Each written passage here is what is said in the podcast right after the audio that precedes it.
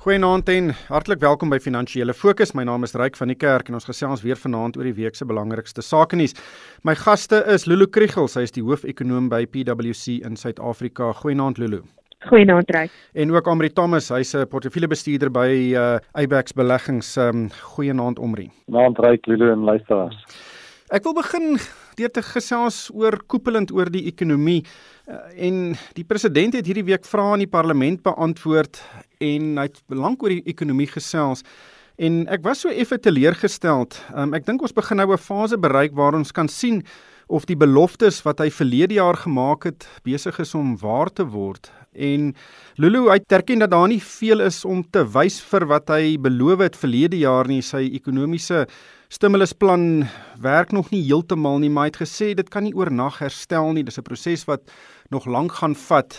Eh, wat wat wat het jy gedink van van sy opmerkings in die parlement?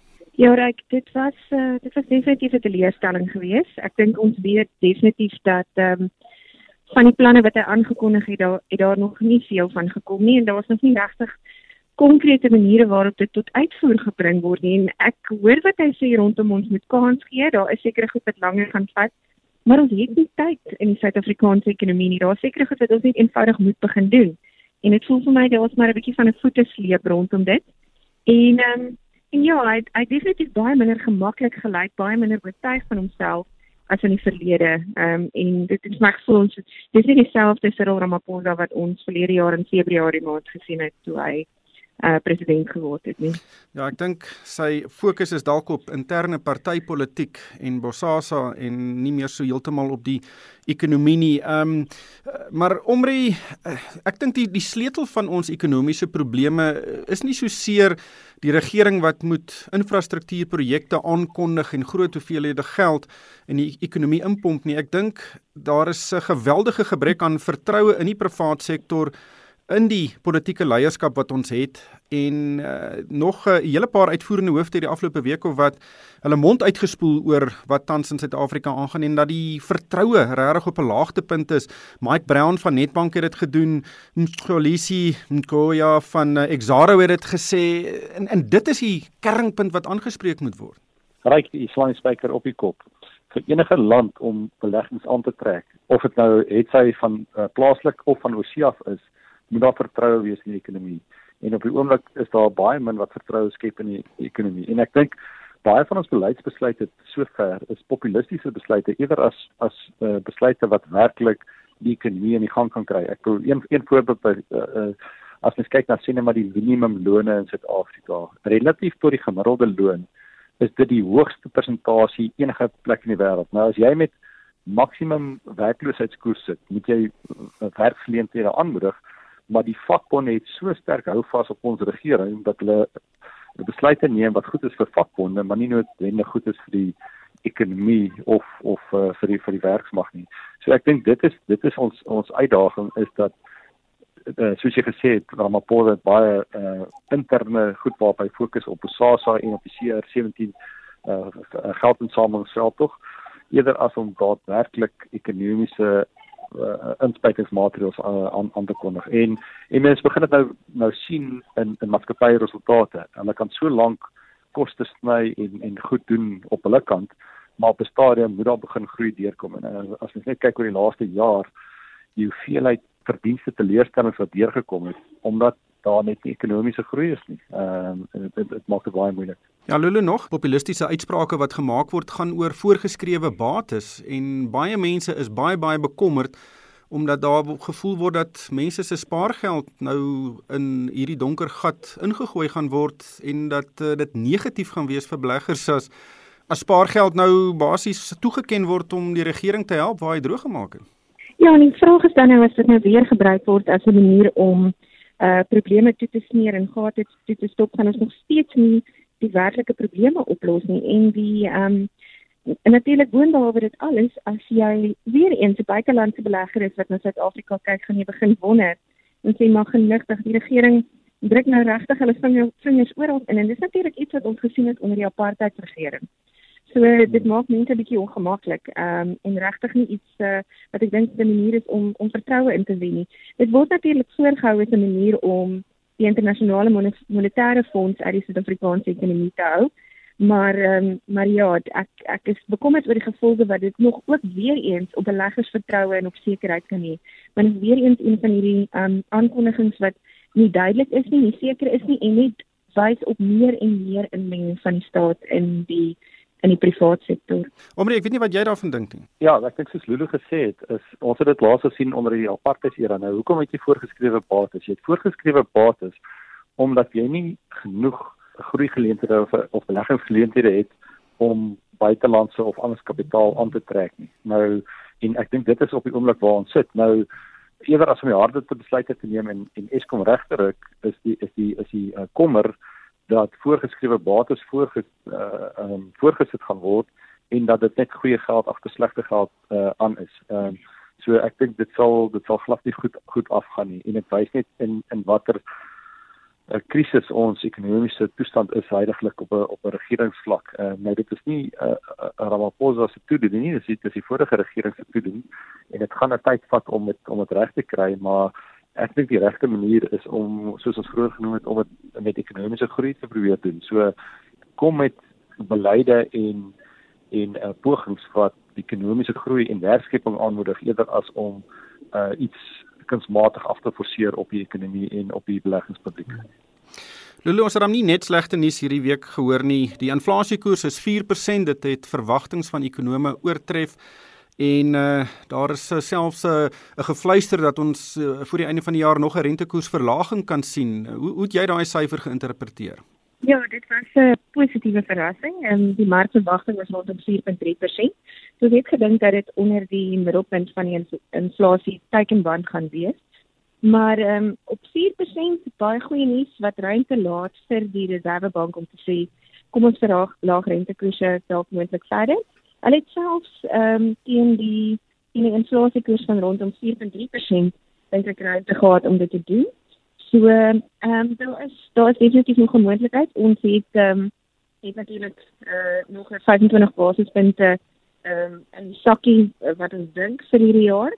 Maar ek moet sê wat 'n belangrike rol gaan speel byvoorbeeld is wat die rand gaan maak oor die volgende paar maande en ehm um, en of daar enige enige skielike uh, verswakking is in die rand en ook natuurlik die wêreldekonomie um, waarin dit gaan beweeg. So dit kan dalk inflasieverwagtings 'n bietjie verander in die toekoms, maar op hierdie stadium positiewe nuus en ek dink definitief ruimte vir die Reservebank om te sê kom ons laag rentekoerse verder. Omre, hoe dink jy eh, gaan hierdie scenario ons markte raak? Ja, ek ek, ek dink uh, dit is positief dat ons uh, inflasiekoers uh, op 4 is. Ek dink deel van die rede is ook omdat uh, daar nie uh, sterk groei is in die ekonomie nie. So prysverhogings kan nie deurgegee word aan die finale verbruiker nie. Uh, wat wat inflasie in beheer hou. Nou gewoonlik is dit soos jy ook noem dat dat dit skep geleentheid om om om rentekoerse te sny en veral in 'n wêreld waar mens kyk dat ons weer in 'n uh, wêreldmark is waar uh, reservebanke oor die res van die wêreld rentekoerse sny skep dit 'n geleentheid om in Suid-Afrika ook te sny. Maar net soos ons gesprek oor oor voorgeskrewe bates op die oomblik ehm um, is ons hoë rentekoerse 'n rede hoekom beleggers nog kapitaal na Suid-Afrika toe toe uh aankeer. En as ons rentekoerse te veel sny, gaan dit beweeg na ander areas waar hulle opbrengste kan kry. Ehm um, so ek dink dis 'n dis 'n twee snye in 'n swaard en en uh en dit soos jy nog sê, jy gaan kyk wat die impak op die op op die rand gaan wees. Ehm um, so ek dink ons gaan met hoë reële koerse moet bly sit vir 'n lang tyd om te verseker dat daar nie 'n wanbalans is uh, in terme van kapitaalvloei na na Suid-Afrika toe. Ehm um, maar uh, eerder 'n laer inflasiekoers as as 'n hoë inflasie, which is definitief positief van daai af.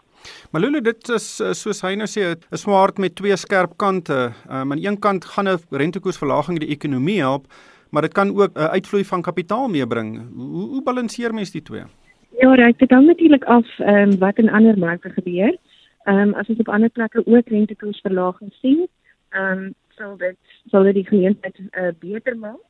Maar ehm um, maar natuurlik ehm um, die die gevaar is dat dit as dit te vinnig te veel sny, ehm um, kan dit natuurlik uh, veroorsaak dat ons later met inflasie sit uh, as gevolg van 'n swakker rand. En op hierdie stadium moet ons hard beklei. Ek sien heeltemal saam met Omri om geld hier te kry. So ehm um, beleggers wat kyk na plekke wat miskien 'n bietjie meer riskant is, maar waar hulle beter opbrengste kan kry.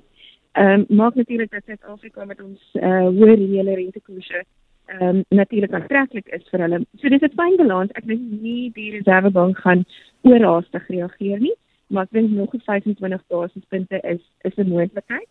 En daar is uh maar kommentators wat reken hulle het genoeg ruimte om soveel as 150 basispunte te verlaag, maar ek dink dit is 'n bietjie bietjie aggressief en ek dink definitief nie hulle sal in daai rigting gaan nie. Nee, ek dink die die Reservebank is op die oomblik uiters konservatief. Maar omre kom ons gesels 'n bietjie oor een van die interessantste sepies wat homself uitspeel in ons koöperatiewe omgewing en dit is 'n stryd tussen die direksie van Old Mutual en Pieter Moyo, uh, sy voormalige uitvoerende hoof. Hy's nou al 2 keer afgedank. Hulle stoei in die hof. Uh, die hof het gesê die eerste afdanking was uh, onregmatig en dit is 'n bekgeveg wat nou al deurgevloei het tot 'n wesenlike laer aandeleprys van Old Mutual. Wat maak jy daarvan? Dis reg, dit is 'n uh, baie teleurstellend as 'n as Old Mutual aandeelhouer om te sien dat uh so 'n uh, korporatiewe geveg in die media en in die publiek afspeel en ek ek dink daar's daar's daar's baie swak bestuur of die hele proses is baie swak bestuur. En uh mens sou nou net wou wou hê dat indien ehm um, dit regtig glo dat onregmatighede plaasvind, plaasgevind dat hulle dit deurvoer en die saak regdeur vat vat in die hof want ongelukkig wat baie van hierdie uh gevalle gebeur is dit word word word buite die buite die hof geskik en en uh en uh, CEOs of hoofuitvoerende beamptes word word af te afbetaal om om na die probleme te gaan. Nou aandeelhouers het nou so seer gekry dat hulle moet nou bewys dat daar werklik iets iets was en dat daar werklike rede was uh dat dat dit gebeur. Nou hulle het 'n persverklaring uitgesit dat hulle duidelik die redes uh, staaf hoekom hulle dink ehm um, dit hulle hulle kon dit doen en hoekom die betalings wat gedoen is vir uh, meneer Trevor Manuel se se regskoste hoe hulle dit uh, kon regverdig. Ehm um, maar ek ek dit is dit is uh as mens kyk na die na die uh ehm um, impak wat dit op die aandelepryse en die markkapitalisasie gehad het, ehm um, is dit is 'n groot slag. Ja, ek dink uh die afgelope 30 dae is uh, al mutual so wat um, ehm, 16% af en Sanlam oor dieselfde tydperk omtrent 6%, so dit het dit lyk of dit 'n wesenlike impak gehad het. Lulu, een van die interessantste stories wat ek ook in 'n baie lang tyd gelees het hierdie week was Donald Trump wat gevra het of hy kan vir Groenland koop. Uh het die Dene gevra kan hy dit koop want dit hy sien dit as 'n eiendomstransaksie. Die Dene het toe hulle neuse opgetree en en gedink dit is eintlik 'n grap. Uh en toe wip Donald Trump hom vir die Dene en hy stel 'n bestaatsbesoek aan hulle af. Uh, wat maak jy daarvan? Ja, ek het um, ek het gaan kyk wat die datum is want ek gedink dit dalk 1 April toe ek die eerste keer die storie gesien het. Ehm um, maar ja, dit dit daar was baie interessante teorieë rondom dit en Ehm um, een van die ontledings wat ek gelees het is dat ehm um, dat hy so hard probeer om homself te bewys en te bewys dat hy iets dramaties en uh, iets met 'n impak gedoen het. Ehm um, omdat hy homself die hele tyd met Barack Obama probeer ehm um, jy weet eh uh, vergelyk. Uh, so maar dit is regtig 'n vanuit 'n vanuit 'n diplomatieke perspektief uh, baie vreemde verskynsel gewees, maar nou weet ons ook uh, Donald Trump het al 'n paar baie baie interessante en vreemde diplomatieke besluite geneem. Die ene natuurlik, ehm um, soos jy sê, het dit afgelag en en hy het gesê maar ek is dood ernstig en as julle my nie wil ernstig opneem nie, dan in daardie geval kom ek julle nie besoek nie. So die tradisionele uh, verhoudings wat die FSA gehad het met die res van die wêreld, uh, begin heeltemal verander onder Trump se leierskap en um, dit lyk amper as as ons aan die einde van hierdie presidentskap gaan kom as as die diplomatieke bande wat tradisioneel baie sterk was, ehm um, heeltemal anders gaan wees na dese. Omri, dink jy dit sou 'n goeie belegging gewees het? Ryke, ek het dit is nogal baie interessant, uh, nogal snaakse opmerkings gesien. Ehm um, ek een van die opmerkings wat ek gesien het is het uh, het iemand al was Donald Trump al daar, het iemand van hom gesê maar Groenland beteken nie die land is groen nie en daar's daar's daar's baie sneeu uh is die een ding en die ander een wat wat wat was is hulle het ou gesê maar hulle het 'n militêre basis daar en uh dit behoort ons uh of dit of hulle nie nou maar moet begin huur betaal vir 'n militêre basis wat hulle wat hulle het. So maar om om ernstig te raak, ehm um, twee vorige presidente het al probeer om Groenland te koop. En ek dink Donald Trump wil wys dat hy uh, baie bereik het in, in sy termyn en dat hy uh, reg is vir vir nog 'n verdere verkiesing. Ons weet ons almal die Amerikaanse verkiesings is is, is volgende jaar so ek dink as as hy suits kan regkry um, net in terme van ego en en um, om te wys maar hy kan goed bereik. Ehm um, uh, sal dit baie positief uh, wees vir maar ek ek dink nie dit kan sonder gebeur nie. Ehm um, ja, so dit is dit is baie interessant. Ja, ek dink hy moet dalk aan sy onderhandelingsvaardighede werk en uh, mis, miskien op 'n ander manier hierdie hele situasie benader. Omre net laastens, ehm um, die JSE is regtig ook op 'n baie interessante um, plek op die oomblik. Ek het iewers gelees hierdie week dat omtrent 40% van die aandele wat op die JSE genoteer is, uh, verhandel binne 5% van hulle jaar laagtepunte. En Uh daar is baie baie maatskappye wat afhanklik is van die plaaslike ekonomie wat regtig baie goedkoop is op die oomblik. Hoe, hoe hoe lees jy die mark op die oomblik? Uh, Ryk, dit was dit dit was net 'n slagveld op die mark uh oor die oor die laaste laaste ruk. Ehm uh, ek wil net nou daai statistiek ge, genoem en dit dit is reg. Ek wil nog 'n statistiek is dat 2/3 van ons mark nou op vlakke verhandel laer as waar hulle 5 jaar terug was. Ehm um, So in in 5 jaar as jy nie daai derde van die mark was nie, het dit het dit het baie swak gegaan. Maar dit gesê, dit wys jou die die gebrek aan beleggingsvertroue uh van beleggers in die Suid-Afrikaanse ekonomie en die Suid-Afrikaanse beurs. Maar dit skep natuurlik geleenthede. Is op die oomblik sien ons uh baie goeie koopgeleenthede uh waar jy langtermynwaarde kan skep deur teen teen uh goed goedkoop pryse in te koop. En natuurlik een van die grootste dinge daar's twee goed wat bepaal hoeveel wins jy maak. Is een is dit goed vir die aandeel verkoop, uh, koop en hoe hoe duur jy dit verkoop. Nou op die oomblik is daar regte geleenthede om om teen teen uh, wat ons dink baie aantreklike vlakke in te kom in in kwaliteit maatskappye. Ongelukkig het dit tyd ons ingehaal. Baie dankie aan Omri Thomas, uh, hy's 'n portefeuljebestuurder by Eyebax Beleggings en ook Lule Krugel. Sy is die hoofekonoom by PwC in Suid-Afrika. En van myself, Ryk van die Kerk, dankie vir die saamluister en ek hoop almal het 'n winsgewende week.